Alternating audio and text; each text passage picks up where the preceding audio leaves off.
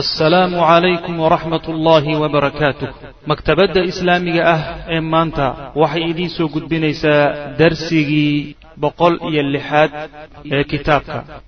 Yoolne oo macnaha waxa wey waa ruuxu meeshuu ku socdo ee qalbiga u jirta yactazu ujeedooyinka iyo taargedyada waaweyn oo sarreeyo oo yactazu ay sharaf ku gaadhayaan biha iyada almujtamacu linsaani bulshada insaanka bulshada basharka iyo bulshadiisa ayaa sharaf ku gaadhaysay.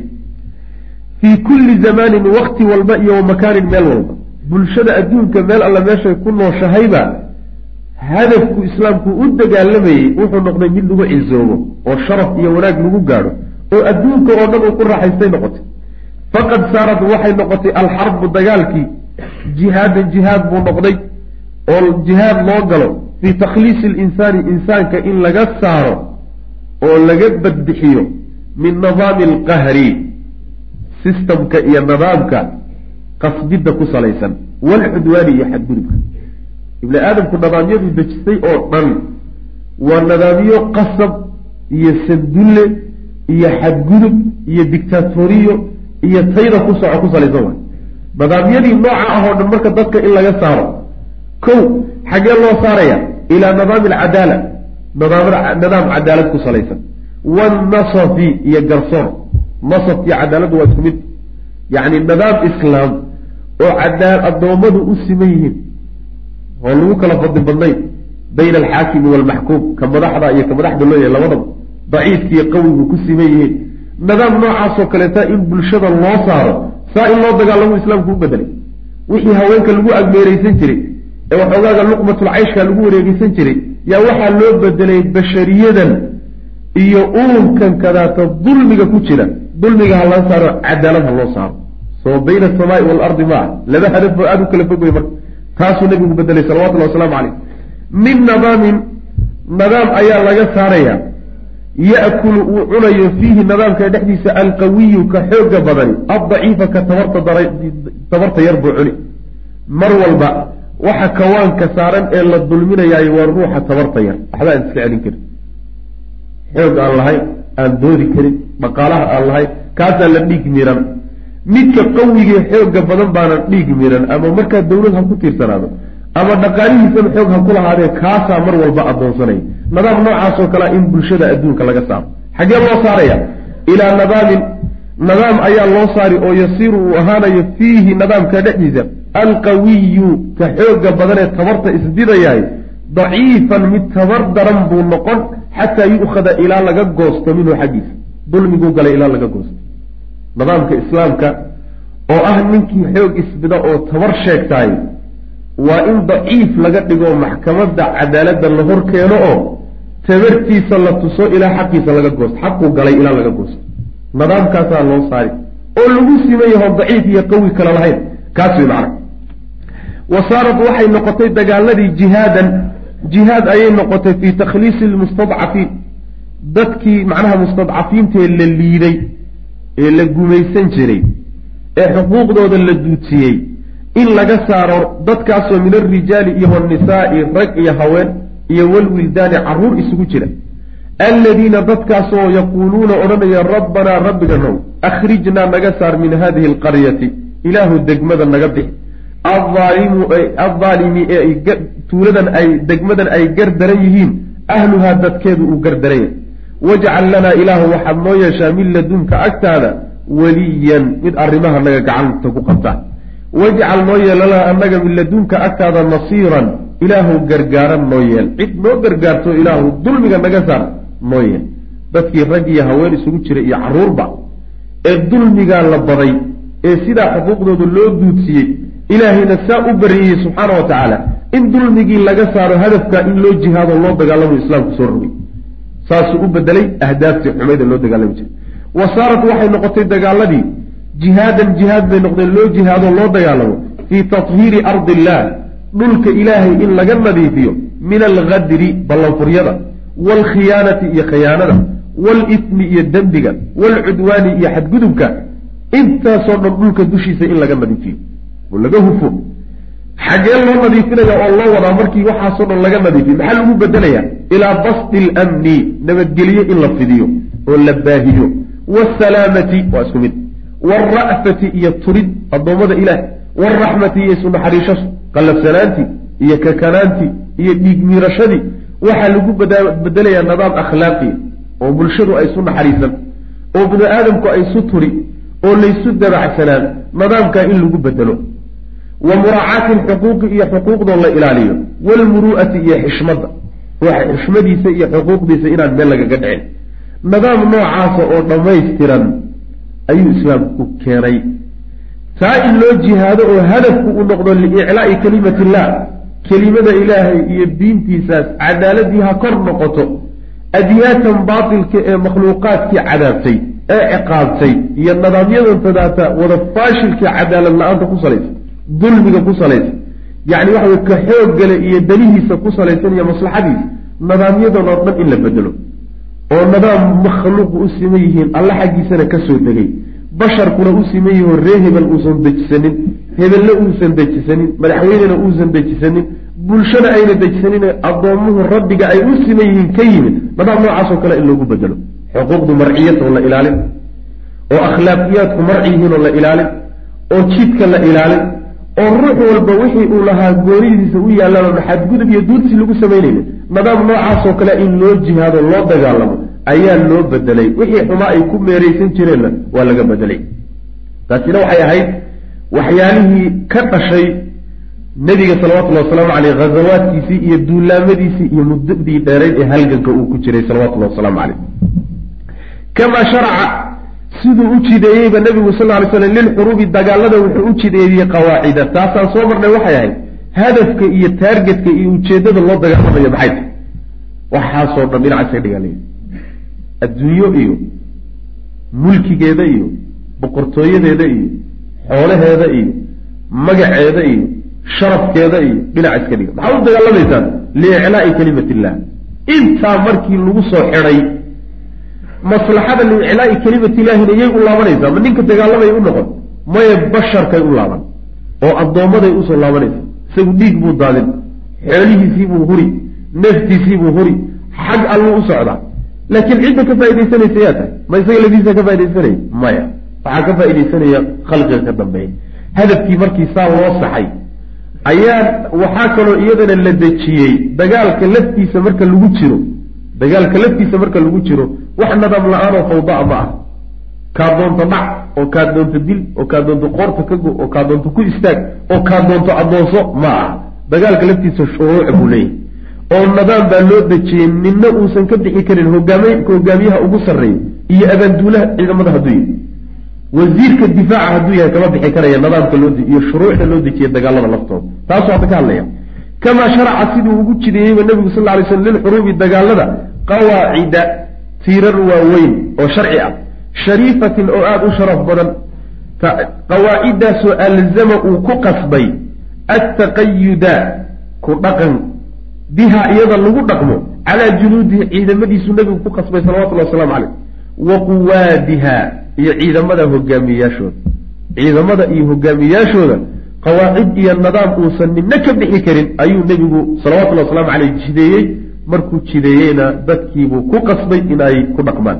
Walam yasmax muusan u ogolaanin nebigu sal ly slam lahum ciidamada iyo hogaamiyeyaasha midna alkhuruuja bixitaan canha qawaaciddaa laga baxo bixaalin marnaba. Qawaaciddaa ninna kama hoos bixi karo dadka oo dhan waa inay markay dagaalamayaan ay maraan wey macna. Saasuu nebigu salawatullahi waslamu aleyh u jideeyey. Rawaa wuxuu wariyey sulaymaan ibnu burayda.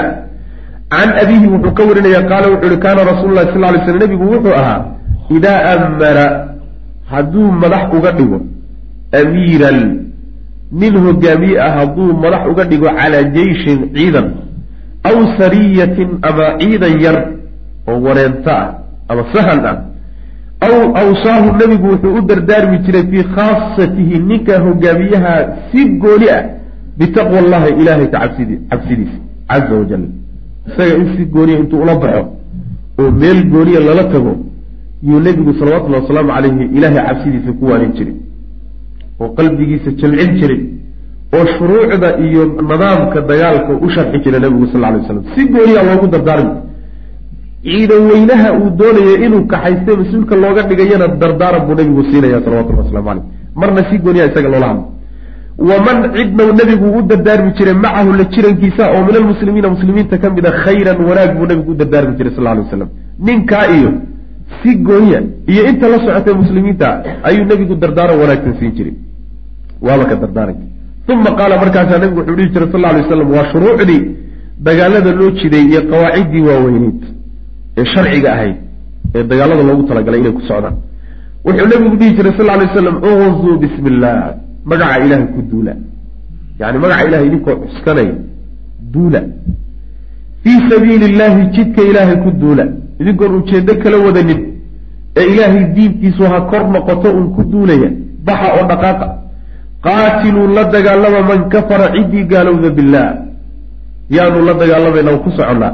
Cid alla ciddii ilaahay ku gaalooda oo xaqa diida.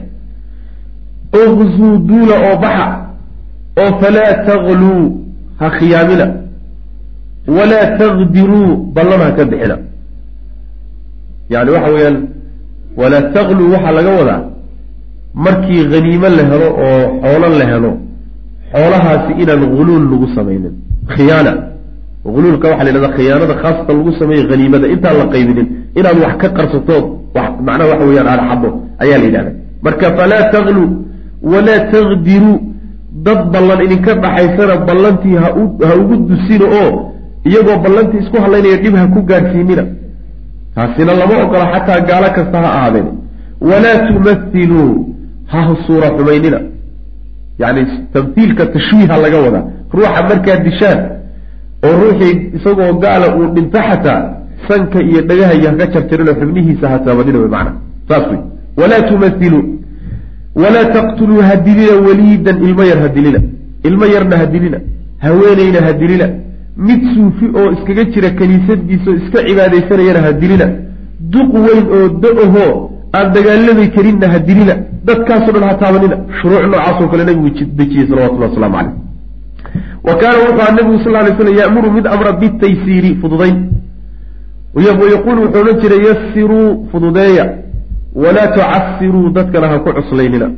Dadka arrimaha u fududeeya oo diinta u fududeeya oo dhaqankiina u fududeeya oo ha ku cuslayninoo wax culus ha kaga dhigina. Wasakinuu dadka dejiya walaa tunafiruu ha caydhinina waxay dadku ku soo dhowaanahayaan oo idinku soo dulmahayaan ku dadaala. Laakiin wax dadka idinka didiyo ku cararaan ka fogaada buu nabigu odhan jiray salawatullahi waslamu caleyh saas way macana leanna hadafka iyo taargetka la leeyahay ma aha in dhiig la daadiyo in dallalaayada ma ah in xoolo la soo boobana ma ah taargetku saa maa taargetku waxa weeye dadkan sidii ilaahay subxaanau wa tacaala cadaabkiisa looga badbaadin lahaayo tawxiidka loo gelin lahaa waa kow haddii iyaga lagu guulaysan waayana kuwa ay ku gudban yihiin in lagu guulaysto kuwa laga leexiyo haddii marka cunfi iyo kakanaan iyo qallafsanaan iyo aad dadkii kula dhaqanto ayagiina taargetkii iyo ujeedadii baad lumisay aan laga lahaa. Kuwii ka dambeeyena sidoo kale taargetkii iyo ujeedadii baad luminaysa da'biga nebigay ahayd salawatullhi wasalaamu caleyh ama barnaamij tacawiya ha ku jiro ama barnaamij dagaal iyo jihaad ha ku jiree nebigu salawatullahi wasalaamu calayhi yusriga iyo fududaynta iyo rifquhu kaana min da'bihi salawatullahi wasalaamu caleyh bal waa ka odhanaya maa kaana fii shayin ila zaada. Yacni rifqiga iyo nuglaynta iyo fududaynta iyo sahlidda dadka loo sahlaayay shay dhexdii ma ahaato ilaa way qurxisaa buu nebigu yuri salawatullahi waslamu caleyh shay lagama siibo oo lagama saaro ilaa way fool xumaysaa. Quruxda wey marka ficilkaaga iyo qowlkaaga iyo dhaqankaaga iyo xikmadaada iyo quruxda saarani waa kolba yusriga iyo fududaynta iyo qaabka aduu marta wey macana saasuu nabigu odhan jiray salawatullah waslamu caleyh wa kaana wuxuu nabigu idaa jaa hadduu yimaado biqawmin qawman dad hadduu u yimaado bileyli habeennimo dad uu duulaan ku ah habeennimo hadduu soo duldego lam yugir mid aan weerarin buu ahaa calayhim dushooda xataa yusbixa ilaa uu waabariso wuu u kaadin jiray. Habeen waxma weerari jirin bal waa laga warsugi waagu markuu baryo haddii aadaan iyo wax meesha ka yeedho waa laga wareegsan marka. Waagu markuu baryo ayuu markaa islaamka loo bandhigi. Haddayna horay dacwadii islaamka u gaadhin islaamka markay diidaan ayaa la odhanay haddaba waayahay jizye bixiya. Jizyadii markay diidaan kadib baa lala dagaalamay saasuu aha wanaha nabigu waa reebay salawatullahi wasalaamu caleyh ashadda annahyi yacni reebitaanta ugu daran buu reebay.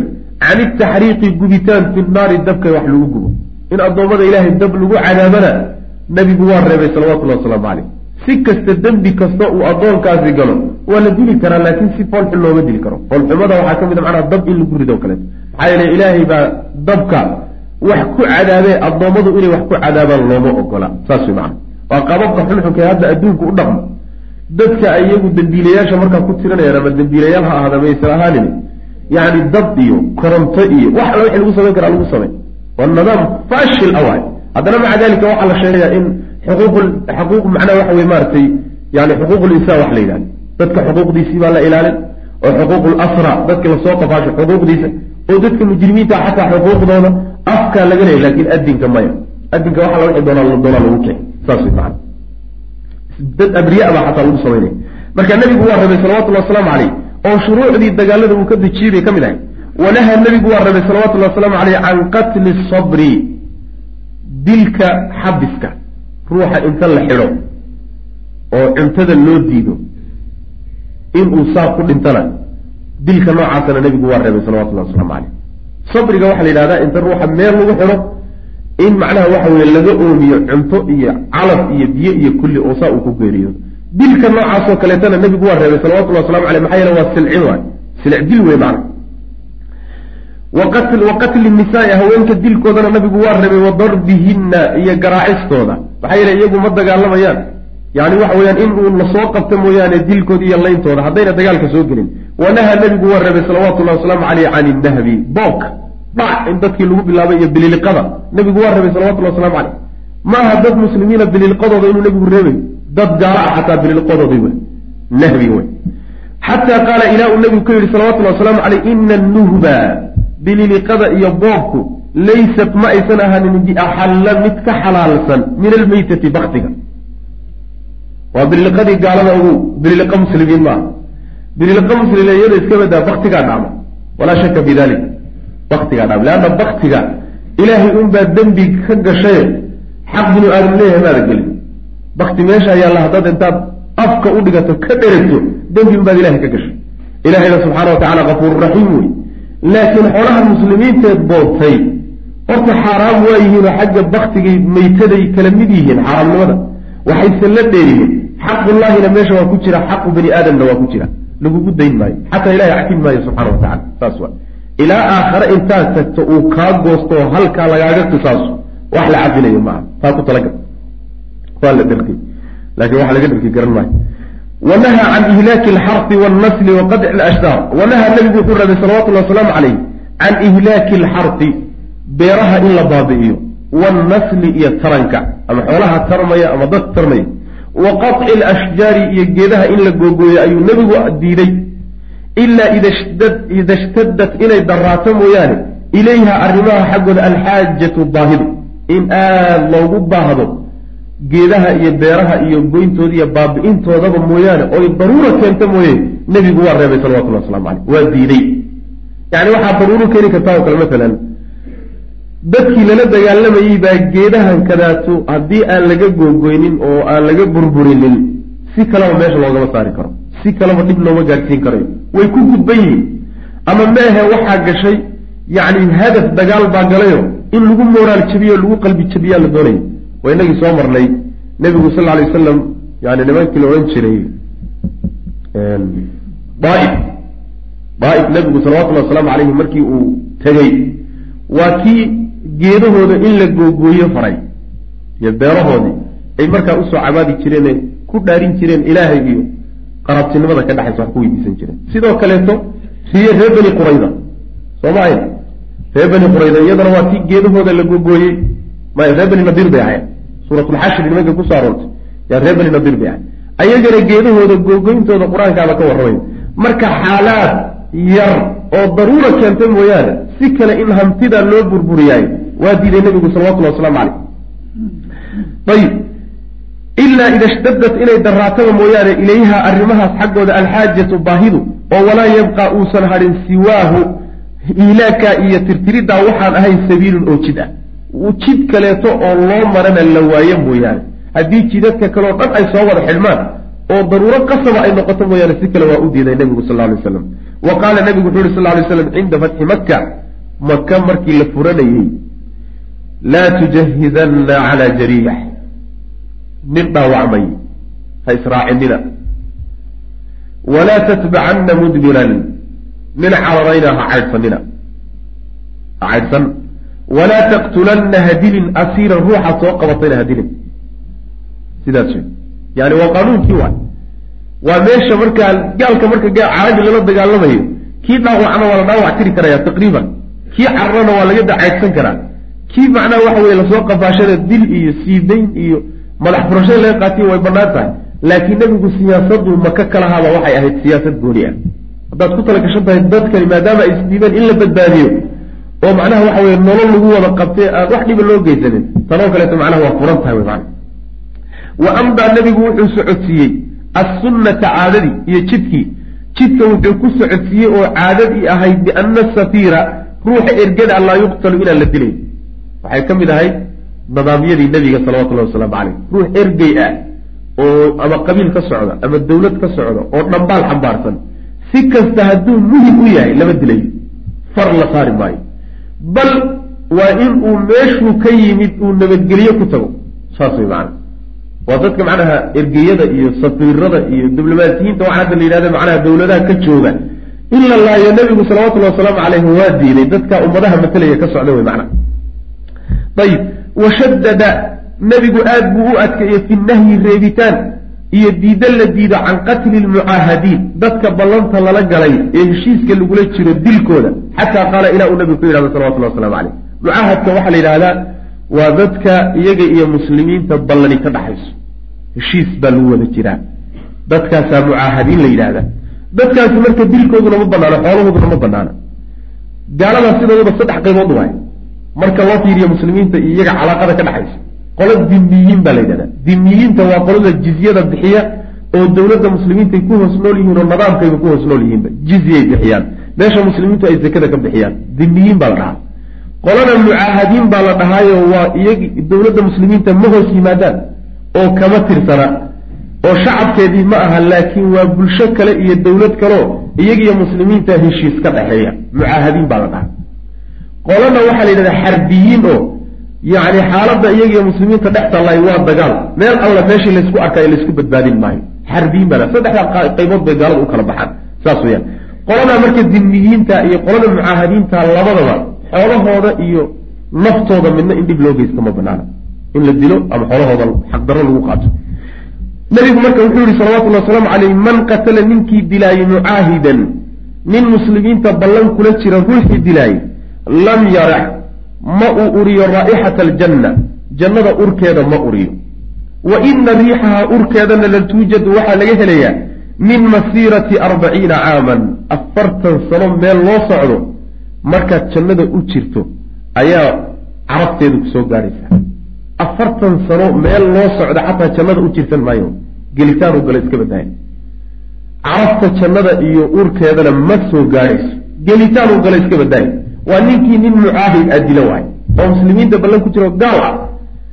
Soomaalida waxay u haysataa iyo dad badan oo runtii caamo aba gaal meesha lagu arkaba lagu soo gaadhaba qoorta ha laga gooyo adiga gaal waxaa idinka dhexeeya un in macnaha waxa weeye la dilo. Sidaa ma ah yacni islaamku gaal waa la dilaa meehe gaalo badan oo dhiigoodu uu macsuum yahoon la dili karin baa jira. Oo ay ka mid yihiin dimiyiinta mucaahadiintaasi ay ka mid yihiin. Xoolahooduna sidoo kale wey welilmunaasaba waxay culimada islaamku maanta leeyihiin waaweyne macnaha waxa weeye yani runtii la dhihi karo waa raasikiin waxay leeyihiin dowladahan caalamulislaami maanta ka jira ee gaalada ah. Dee dowladdii bulsho islaami oo mucayana markaa dagaal cad oo foolka foola ay iskula jiraan mooye. Laakiin dowladaha gaalada iyo muslimiinta maanta waxay ka dhigan yihiin bimansilati almucaahidiin oo kaleeto. Sidii dowlado ballan lagula jiro o kaleeto ballamahana waxaa la dhigtay muslimiinta madaxda matashaa la dhigatay. Madaxda matashaay waxay dooniba ha ahaadeen laakiin madaxdii iyo maamulkii muslimiinta matalayay baa dowladahan la dhigtay yacni waxa weye heshiis la galay oo wax meel la dhigtay. Heshiiskaasi ayaa markay mucaahidiin ku yihiin. Wabittaali dhiigooduna ma banaana xoolahooduna ma banaana sharikaadka waaweyne hadda la dhacayo soo aray aad arkaysaa qaar boostada oo kaleeto masalan telefoonada intay bug samaystaan iyay ka dhargayaan intaas markay ka qaataan bay la dhumanayaan gaal baa nacay bu kudhihi gaal baa nacay mid dawladda xoolaheeda meeluu ka gaari raadinahayo macna waxa weeye laalaab galahayo doonayo meeshuu ka gaarina waad arki oo ka odhanaya sharci baa ii ogol waxaasoo dhan wax sharci ogolyaha maa sharcigu wuxuu kuu ogolaanay xoolaha gaalada inaad qaadato. Markaad intaad banaankaa istaagto aad tidhaahdo waxaan ahay mujaahid dagaal baan isu diyaariyey nimankii gaalo ahaayo waan idinla dagaalamaya ku talagala. Waima takhaafanna min qowmin khiyaanatan fambid ilayhim calaa sawa. Si cad markaad dagaal u cilaamsato markaasaa xarbiyiin noqonayaano xoolahoodu ku banaanaya. Laakiin adoo tuuga oo dhuudhuumanaya sida qolaha ku arkay meel lash la yidhahdo swidhen oo kaleeto yani dukaan weyn bay gelayaan. Dukaanka markay galaan bay marka waxay soo buuxsanayaan jeebab aasay la dhuumanayaan. Alaab qaali ah asaaba maxay tahay waxaanaad samaynaysaan waxay yidhaahdeen nimankani waa niman xarbiyiin ah oo waa nimanka islaamka la dagaalamaya o muslimiinta la dagaalamaya markaasaa waxaan ku yihi wareer haddaad xoolahoodaba sidan u qaadanaysaan haweenkoodana ma surriyaysataan oo addoomma ka dhigataan waa idiin banaayen iyaguna ma annagaaba heli karnay deh meelaan ka gaadhnaa waan la-anahay marka yacni waa fahmi runtii munxarifa waay fahm aada munxarif baa waa meesha maanta arrinta la gudboon muslimiinta waxay tahay xaaladda ay ku jiraan waa xaala istisnaa'iya way xaalad adag waay xaaladan oo kale marka waxay u baahan tahay in sabir iyo dacwo iyo dhismo iyo lagaga baxo maalinta la gaadho in inta umma islaamiya iyo dawla islaamiya inta soo baxdo inay gaalada dagaal ku cilaamiso markaa kadib ha la gaadho axkaamteedii ha timaado. Laakiin maanta adoo miskiin oo yani dawladdan u yimid oo kibaandho ka qaatay oo sharcigeedii qaatay oo haddana haddaad tuugnimo bilowdo mujaahid baan ahayna aad tidhahdaa war tuug iyo mujaahid meel ma wada galaan ilaa gayri dalika intaa iyo in la mid ah ayuu nabigu jideeyey salawatullhi wasalaamu calayhi oo min alqawaacidi asaasiye iyo qawaacid ah annabiilati oo sharaf badan allatii midaasoo daharat nadiifisay alxuruuba dagaaladii nadiifisay oo huftay min adraani aljaahiliya jaahiliyada wasakdeedii oo dhan bay ka huftay wax alle wixii wasak ah ee jaahiliyadu ay dagaalada ku dhajisay ku samaysay ayuu ka hufay islaamku xataa jacalathaa ilaa ay ka dhigtay jihaadan jihaad ay ka dhigtay muqadasan oo la sharfay jihaad aan qurun lahaynoo qas lahaynoo xumaan lahayn ilaa ay ka dhigtay ayuu saa u hufay islaamku dagaaladii la geli jiray wey macana saas wey jaahiliyadu dagaalka geli jireen marka waxaynu ku dhi jirnay waxyaalihii raadadkii ka dhashay ghazawaadkii iyo duulaamadii nabiga sal lay slam taasina mid bay ahaydoo shuruucda waaweyn ee muhimka ah ee wixii oo dhanba bedelay ayuu nebigu ka tegey salawatullhi wasalaamu calayhi oo bulshadana uga tegey kuna tarbiyeeyey oo dagaalada loo jideeyey. Annaasu yadkhuluuna fii diin illahi afwaaj. Dadkii oo soo galaya diinta ilaahay soo galaya iyagoo koox koox ah. Annaasu dadkii oo yadkhuluuna gelaya fii diin illah ilaahay diintiisii soo gelaya afwaajan xaal ay koox koox yihiin. Markii intaasu dhacday oo dagaalkii tabuug dhacay ayaa dadkii oo hormo hormo ah si fowqalcaqliga isu daba dhacaya ayaa marka islaamkii soo galay. Kaanat waxay yidhi ghaswatu fatxi maka duulaankii maka lagu furtay wuxuu ahaa kamaa qulnaa saan soo nidhiba macrakatan dagaal bay ahayd faasilatan oo kala saartay. Xaqiyo baatilkii kala bixisay. Hadat midaasoo ka takhallustay cala alwataniyati diintii cawaamta. Qadaa'an ka takhallusid baatan oo go-an dagaalka uu nebigu ku qabsaday wuxuu soo afjaray diintii wataniyadda ayuu soo afjaray. Carafat ilcarabu carabi waxay baratay liajliha dagaalka maka lagu qabsaday dartii alxaqa xaqii bay baratay min albaaili baailkay ka baratay. Ninka magaalada qabsaday oo nebi maxamed salawatullhi wasalaamu caleyh iyo mabda'a magaalada qabsaday inuu xaqi. Kuwii laga takhallusay ee meesha lagaga adkaadayna inuu baatil ahaa waxood wazaalat waxaa dhacday canhum xaggooda waxaa ka tirtirantay ashubuhaatu waxyaalo badan oo ismoodsiisye ah. Shubahaadka waa jamcu shubha. Shubhada waxaa la yidhahdaa wixii wax isugu kaa ekeeya. Wixii daliil isaga kaa dhiga. Ama suuro uusan lahayn isu kaa siiya. Ayaa la yidhahdaa sidiisaba shubha la yidhahda shubahaadkii marka u muuqday ee ka tirtirmay waxay ahayd in laga adkaan doono ninkan diinta cusub la yimid oo uusan lug qaadayn oo areemaka marna laga adkaan doonin oo qurayshi guulaysan doonto waxaasay macnaha sheekooyin noocaas oo kale ismoodsiisya noocaas tiibaa marka baaba'day. Fatasaaracuu markaasay degdegeen ilaa ictinaaqi lislaami islaamka qaadashadiisay u degdegeen. Hogaansanka islaamkay markiiba deg deg u galeen. Qaala camru bnu salima wuxuu yidhi kunnaa waxaanu bimaa-in biyo ayaanu deganayn mamari nnaasi oo dadku meel ay maraan ah. Meel ceeloo biyo ah oo dadku jid ay maraan ku yaalla ayaanu joognay buuhi ninkaasi camr bnu salima la yidhahda wa kaana wuxuu ahaa yamuru mid ayna maraan binaa annaga alrukbaanu dadka socotadaabaa na mari jiray. Fa nas'aluhum waxaanu weydiinaynaa dadka socotada ee magaalada madiine ka yimid ayaa ceelkanaga soo maray markay fulayaan. Fa nas'aluhum waxaanu weydiinaynaa su'aalahanaan weydiinaynaa maa linnaasi war dadkii maxaa u sugnaaday? Dadkii magaalada madiina bal ka warrama say ahaayeen. Maa haada arajulu ninkanse muxuu yahay? Ninkan magaalada laga sheegayo magaalada ku soo kordhaysay. Eriyada madiine dega ka mida waay. Marka baadiyaha madiine waay. Meeshaasaa dadka socotada iyo lugtayaanu ku waraysanayna. War bal ninkan magaalada ku soo kordhay warkiisa noo sheeg oo dadkiisay ahaayeen. Saasaan weydiinayna. Ay nabiyu bay ka wadaan sal lay slam nabigay ka wadaane fa yaquuluuna dadkii waxay leeyihiin buuna ay nagu odhanayaan yazcamu wuxuu sheeganayaa ana allaha alle arsalahu inuu soo diray wa awxaa ilayhi inuu u waxyooday waa ninku waxyaalo badan buu la yimide laakiin waxyaaluhu sheeganaya waxaa ka mid a xagga ilahay in wax uga imaanayaan oo xagga ilaahay laga soo fariimeeyo o laga soo diray awxa allaahu ilaahay inuu u waxyooday buu sheeganayaa kada sidaa inuu u waxyooday dadku dad reebaadiye ahaayeenoo fahmadooda cajiibtahay saan horeyba u soo sheegnay sidaa daraaddeed markay magaalada tagaan magaalada qur'aankii soo degay baa magaaladu ku sheekaysanaysa. Gaal iyo islaamba maantana waxaasaa soo degay buuri qur'aankii baaba gaalada xifdisanta dadka lugeynaya marka socotada markii la waraysto waxay odhanayaan waxba igu soo degay buu sheegahayaayo.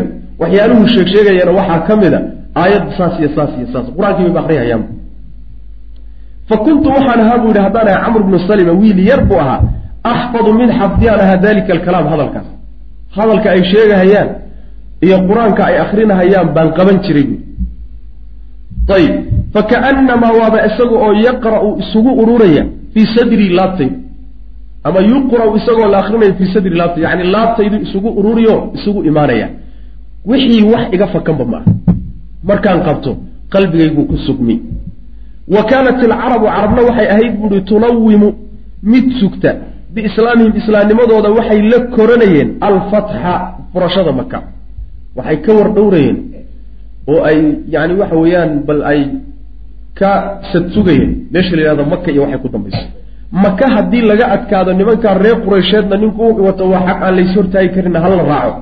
Haddii reer maka uu mari waayana hadde isagii reerkiisuna isku baaba'een.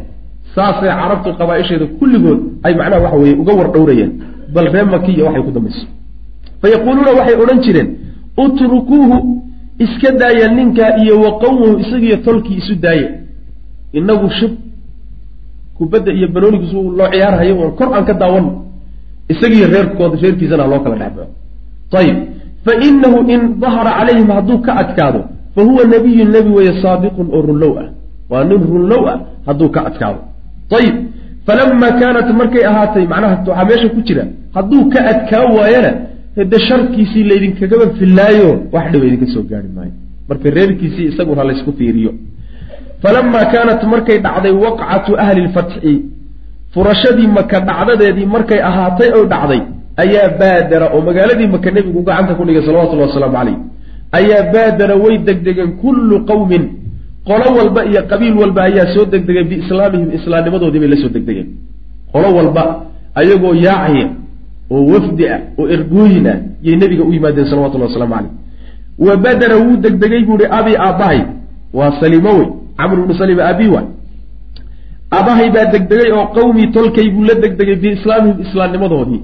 Aabbahay oo oday ahaayoo suldaan ahaa ayaa markiiba dhaqaajiyey oo nebigu u degdegoo u tegay salawatullahi wasalaamu caleyh isagoo ergey ka ah islaamnimada qabiilkii uu ugaaskiiyo suldaanka ka ah. Taasuu fartiintaasuu xambaarsan yahay oo wadaa falamaa qadima markii uu soo galay ayaa qaala wuxuu yidhi markuu nebiga ka soo laabtay salawatullahi wasalaamu caleyh oo uu u yimid qabiilkii ayuu yidhi ji'tukum wallah ilaahay baan ku dhaartay waan idiin imidoo min cindi nabiyi sal lla alay wasalam mid nebi ah oo loo warramay xagga ilaahay looga warramay agtiisaan idinka imid xaqan oo weliba dhab ah. Aan dhayal ee ciyaar midna ahayn. Nin saasaan xaggiisa ka imid faqaala nebigu wuxuu ku yihi salawatullahi wasalaamu caleyh markuu u dardaarmayey odaygaasi markuu ambabixinahayey oo uu ku soo celinayay qabiilkiisii ilan suldaannimadii ugaasnimadii laga qaadi maayo.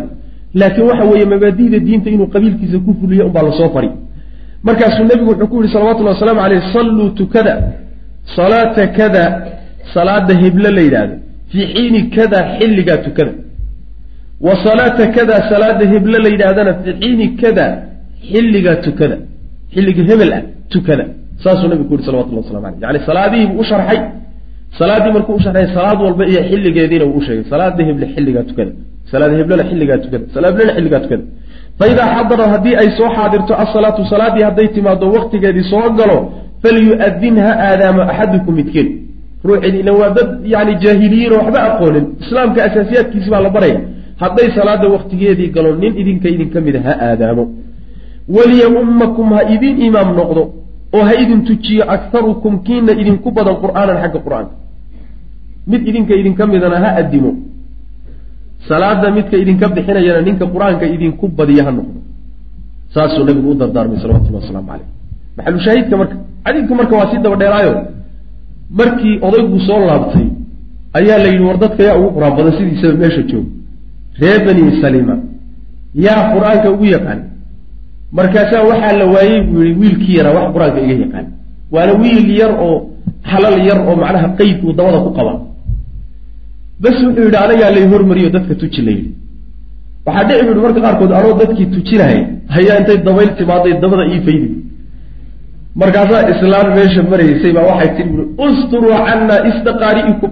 War imaamkiina dabadiina dabadiisa naga qariyay tii yani wiil yar oo macnaa waxa wey aansaab ahayn ayuu ahaa marka isagaa imaam u ahaayo salaada tujira maxaa wax ka qur'aan badan baa la waayey qur'aankana wuxuu ka qabtay wuu bowsadayo dadkii reebaadiyaha ee socotada ahaa unbuu intaa ka bowsaday. Uu sheekha ku noqday dadkii imaamka ugu noqday baa nin xariifu aada u cajab badan buu ah. Marka ujeeddada waxa weye qisadu waxay tahay. Yacni carab in ay ka war dhowreysay oy ka shin dhowreysay meesha la yihahdo maka iyo waxay ku dambayso. Maka markii la qabsadayna inay soo islaameen oo qabaa-ishoodii ay wafdi ahaan nabiga ugu yimaadeen salawatullah waslamu caleyh wa hada alxadiidu xadiidka isaga yadullu wuxuu ku tusayaa calaa madaa athari fatxi maka furashadii maka raadkeedu intuu gaadhsiisnaa ay ku yeelatay fii tatwiiri duruuf arrimaha iyo xaaladihii taagnaa bedelidooda iyo horumarintooda wa tacziizi lislaami iyo islaamka xoojintiisa raadkay ku yeelatay wa tacyiini lmowqifi iyo meeshay istaagi lahaayeenoo loo xadido lilcarabi carab iyo carabi meeshay islaamka ka istaagi lahayd oo inay qaadataan oo loo xadido intaasoo dhan bay raad aada u caja badan ku yeelatay furashadii maka saasuu xadiidku tusaya waistislaamihim iyo carab isdhiibidooda lilislaami islaamka isu dhiibaan oy u hogaansamaan. Wa ta'akada wuu adkaaday daalika arrinkaasi wuu xoogeystay aya ta'akudin dhamayst yani xoogaysi dhammaystiran buu xoogeystay bacda ghaswati tabuuq duulaankii tabuuq kadib. Wuxuu aada u sii xoogeystay oo cadowna quustay. Saaxiibna islaamka ku farxay iyo xooggiisa dagaalkii tabuuq wixii ka dambeeyey. Walidaalika sidaa daraaddeed baa naraa waxaan aragnaa buuhi alwufuuda ergooyinkii oo taqsidu soo aadaysa u soo qastaysa almadiinata madiina tatra iyadoo isdaba joogta.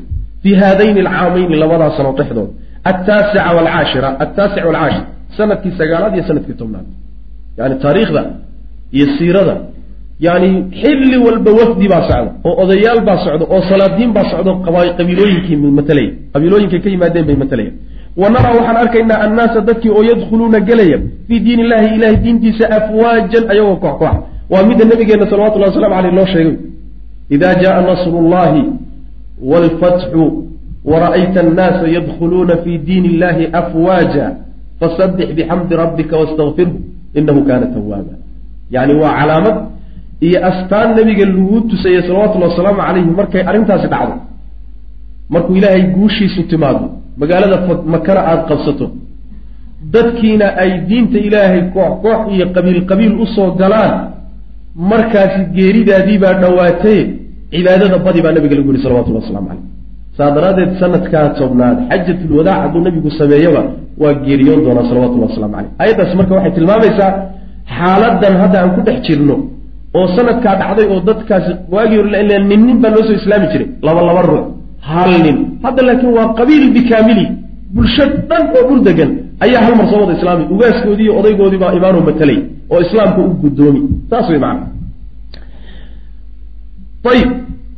wanaraa waxaan arkaynaa annaasa dadkii oo yadkhuluuna galaya fii diin illahi afwaajan ayagoo koox koox xataa ilaa ina aljeysha alislaami ciidanka islaamiga alladii kaasoo kaana ahaa qiwaamuhu cadadkiisu casharata aalaafi muqaatil toban kun oo dagaalyahan fii ghaswati alfatxi duulaankii maka lagu furtay ciidankii muslimiinta ee tobanka kun ahaa idaa markaaba huwa isagu yaskharu wuxuu madaxa la galay oo cagacagaynaya fii halaathiina alfi muqaatil soddon kun oo dagaalyahan fii ghaswati tabuk duulaankii tabuk qabla an yamdiya intuusan teginba oo uusan marin calaa fatxi makkata maka furashadeeda caamun kaamilun sanad dhammaystiran sanad dhammaystiran oo buuxa kama soo wareegin furashadii maka marka ciidanka muslimiintu uu isku shareeray soddon kun oo dagaalyahan ciidankii maka furtayna meequ ah toban saddex goor buu islama laabay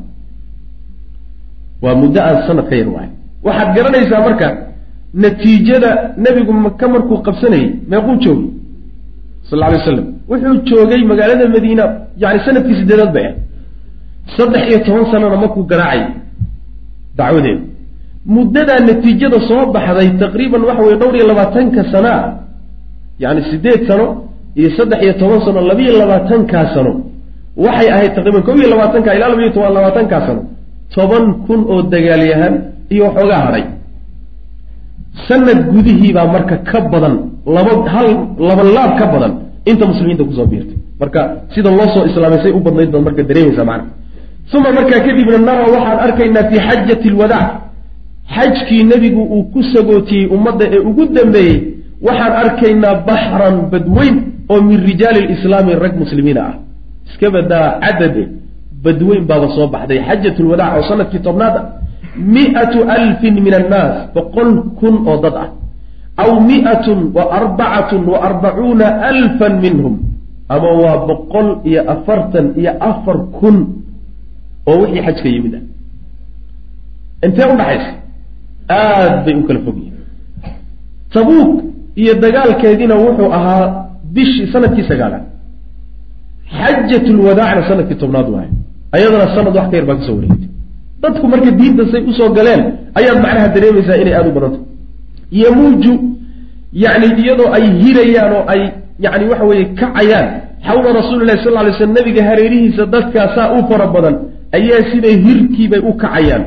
Nabiga hareerihiisayna socdaan bitalbiyati iyagoo talbiyeysanaya labayk allahuma labayka waay wtakbiiri iyo allahu akbar wtasbiixi iyo subxaana allah wtaxmiidi iyo alxamdu lilah digrigaasay nabigay qaadayaan ayagoo nabiga hareeraha iyo hore iyo gadaalba ka socda salawatullah waslamu caleyh tudawii waxaa la sawdaynaysaa lahu yani waxa weeyaan mawjadaha daraaddood al aafaaqu jihooyinkii oo dhan baa sawdaynaya. Yani dawiga waxaa la yidhahdaa markaad qaylido sawdka derbiga ama buurta ama waxa kaa agdhow ka soo laabtaa la yidhahda adiga waa dhawaq waay jihooyinkii aggaarada ohoo dhan baa qaylada ay qayliyayaan iyo buuqoodaasi ayaa macnaha la dhawaaqay. Wa tartaju waxaa la gilgilanaysa lahu isaga daraaddii alarjaau dhinacyaha iyo jihooyinkao dhan baa la gilgilanaya yani waxa weeyaan siday u badan yihiin. Aqaad malaynaysa. Boqol iyo afartan kun oo ruux oo hal mar dhawaaqay. Waxa oo dhan baa la wada dhawaaq. Sidaas wey macana alwufuudu taasi marka gobolxaad bay ahayde ergooyinkii nabiga u yimi salawatullahi wasalaamu caleyh waalwufuudu ergooyinka allatii ergooyinkaasoo saradaha ay taxeen ahlulmaqaazi culimada duulaamada ka sheekeeya ee ka shaqeeyaay. Yani ergooyinkii ay taxeen oy sheegeen yaziidu wuxuu ka badan yahay cadaduhaa tiradeedu calaa sabciina wafdan. Toddobaatan wafdi waa ka badan yahay. Inta ay sheegeenee nabiga wafdi ahaan ugu timid salawatullahi wasalaamu caleyh walaa yumkinu suurtagalna ma aha lanaa annaga inooma suuroobaysa istiqsaa'ahaa inaan tiro koobno oon wada gaadhnana inoo suuroobi mayso. walaysa kabiiru faa'iidatin faa'iido weynna kumama jirto fii basti tafaasiiliha faahfaahinteeda in la kala dhigdhigo oo lagu fogaadana wax faa'iido weynba kuma jirto. laakiin waxa in laga maarmaan ah yaynu ka soo qaadan wa inamaa nadkuru waan sheegaynaa buuhi minhaa xaggeeda ijmaalan si duuduuban baan u sheegaynaa maa shay baynu sheegaynaa lahu isagaba ay u sugnaatay rawcatun cajiib. Cajaab macnaha waxa wey cajab yacni wax la yaab leh oo wufuuddu waa kala cajab badnaydee qaybaha cajabta leh. Aw ahmiyatun ama ahmiyadna fi taariikhi taarikhda ku leh. Ama waxyaala cajab leh. Ama wufuudiyo ergooyinka kuwa taariikhda marka la fiiriyo ahmiyadda leh. Kuwaasaan sheegayna walyakun hana ahaada buu ku yidhi. Calaa dikrin min calaa dikrin xusuus korkeed ha ahaado. Min alqaari ninka akrinaya kitaabku ha xusuusnaado wey. Muxuu xusuusnaanayaa? Ana wifaadata caamati caamati lqabaa'il qabiilooyinka intooda badan erga noqoshada iyo wafdi ahaanta ay nebiga ugu yimaadeen wa in kaanad haba noqoto bacda alfatxi furashadii maka haba ka dambaysa intooda badan e laakiin waxaad xusuusnaani walaakin hunaaka waxaase jiray.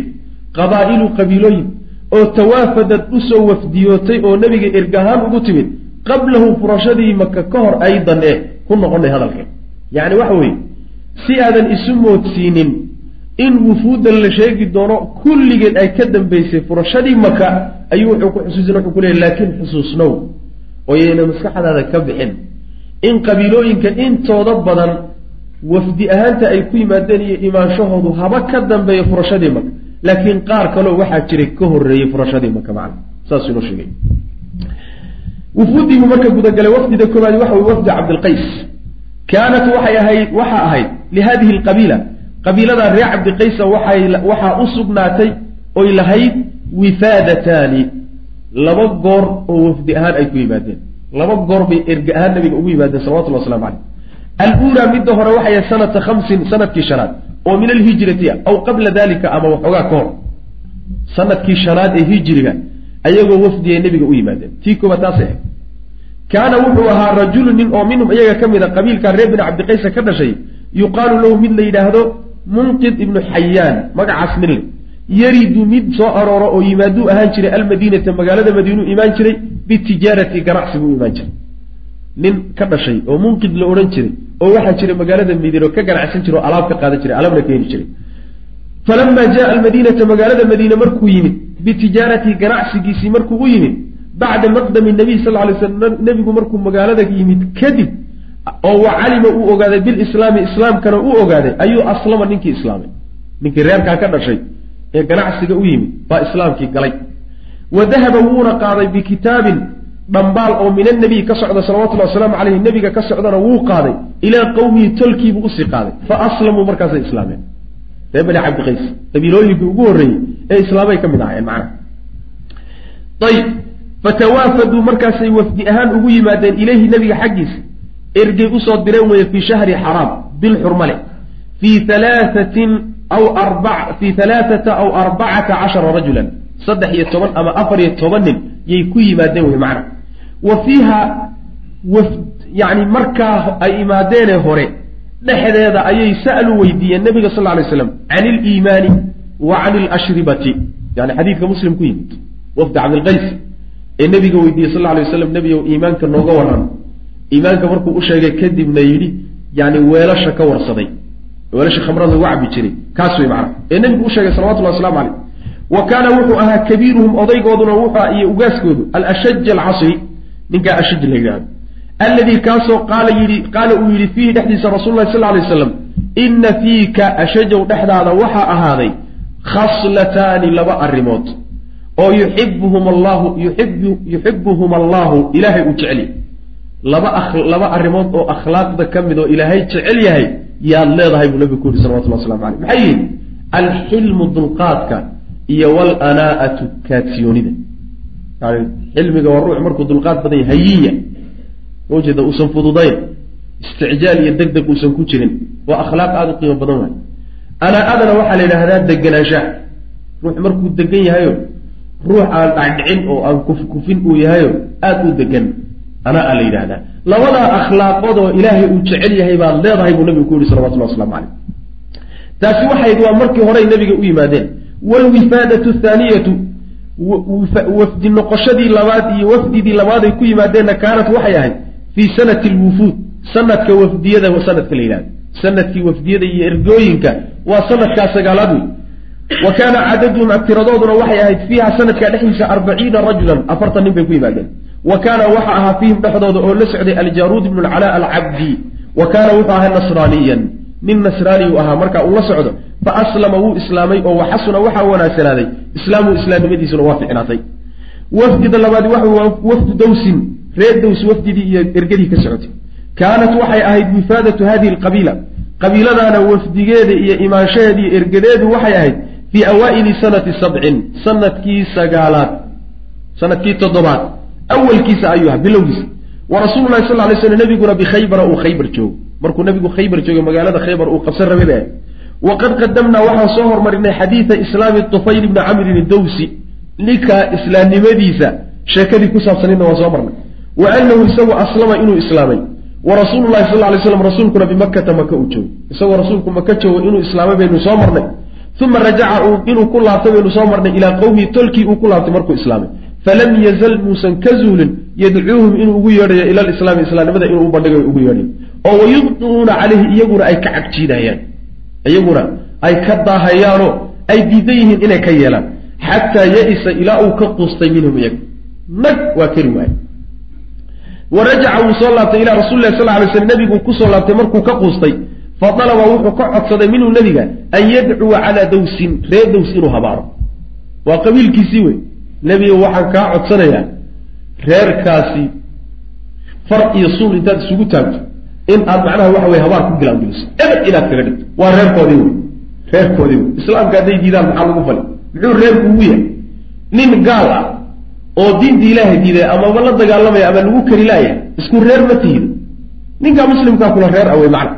Marka ama ha la habaaro ama ha la baabi'iyo ama eber ha laga dhigo yani waxa wey shaqadaada ma bal gaalada inuu ilahay laago subxaana wa tacaala waa muslimku waa ku farxa waa ka ilahi subxana wa tacala odhanaya faqudica daabiru lqawmi aladiina dalamuu walxamdu lilahi rabbi alcaalamiin kuwii gaaladaha waa la halaagay oo la tirtir cagtaa la mariyey.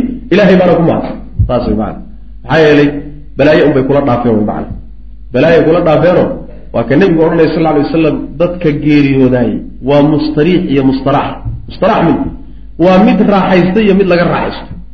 Muslimka mu'minka haddii uu geeriyoodo wuu raaxaystay oo isagaa raaxo geli raaxo qabri iyo wixii ka sii dambe u geli midna waa mid laga raaxaysanoo waa ruuxii gaalnimii ilxaad ku dhinto khalaa'iqda ilahay baa ka raaxaysan muslimiintaa ka raaxaysan oo dhulkaa ka raaxaysan oo cirkaa ka raaxaysan oo geedaha ka raaxaysan kulli waa laga raaxaysan. Lacagtii jeebka ugu jirtaba xataa ka raaxaysan iyo xoolihiisiiba inkaan ugu dhacday. Sidaas marka wuxuu yidhi nebiga waxaan kaa codsanayaa reerkaa habaar faqaala nebigu wuxuu yihi salawatullahi wasalaamu caleyh allahuma hdi dawsan.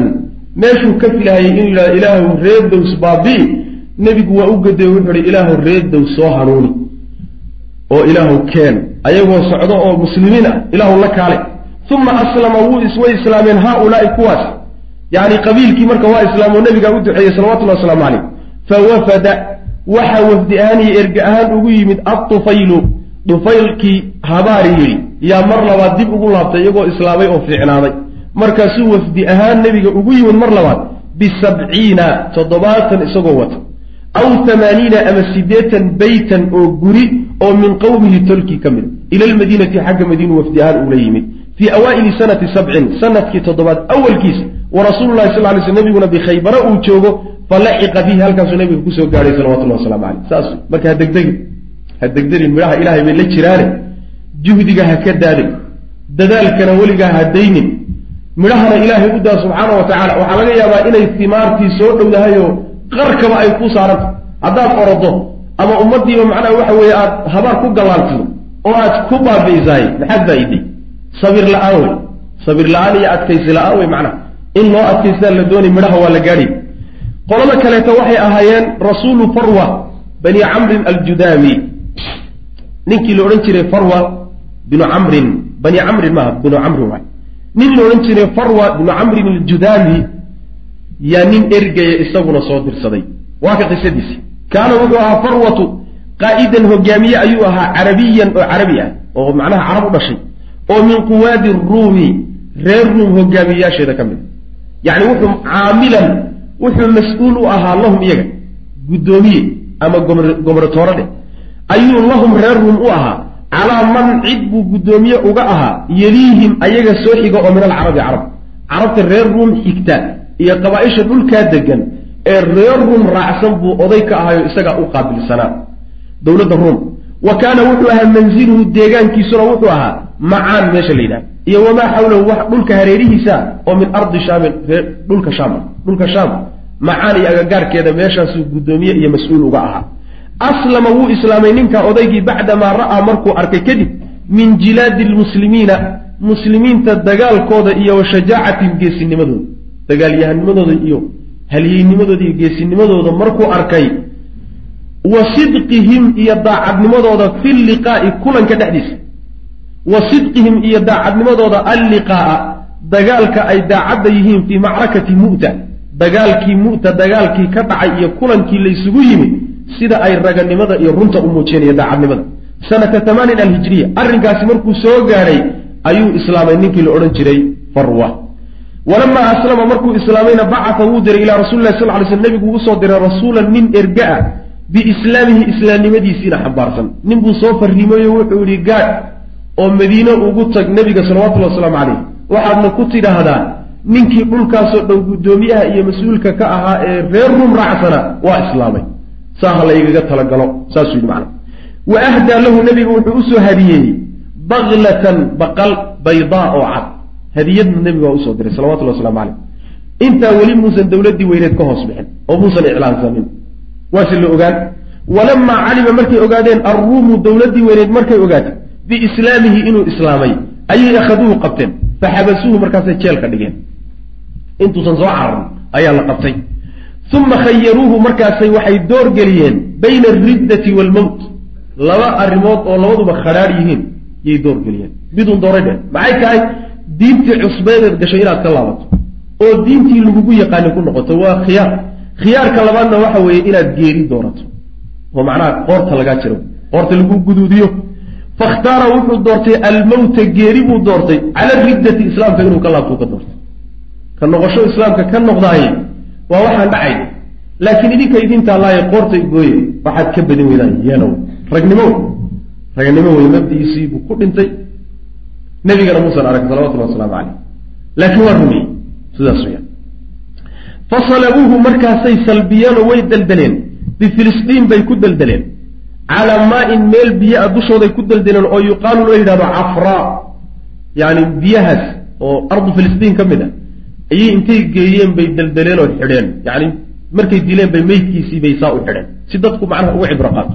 Ku quus qaado cid damba saysan diintaa u gelin. Halkaasaa lagu deldelay wa darabuu markaase waxay gooyeen waxay ku dhufteen seef cunuqahu leefti luquntiisa. Luquntay markaa ka gooyeeno way dileen. Sidaasuu marka waxa weeyaan uu ku tegey ilaahay subxaana wa tacaala ayaanu uga rajaynaynaa isaga iyo intii kaleba in ilahi subxaana wa tacala uu naxariisto.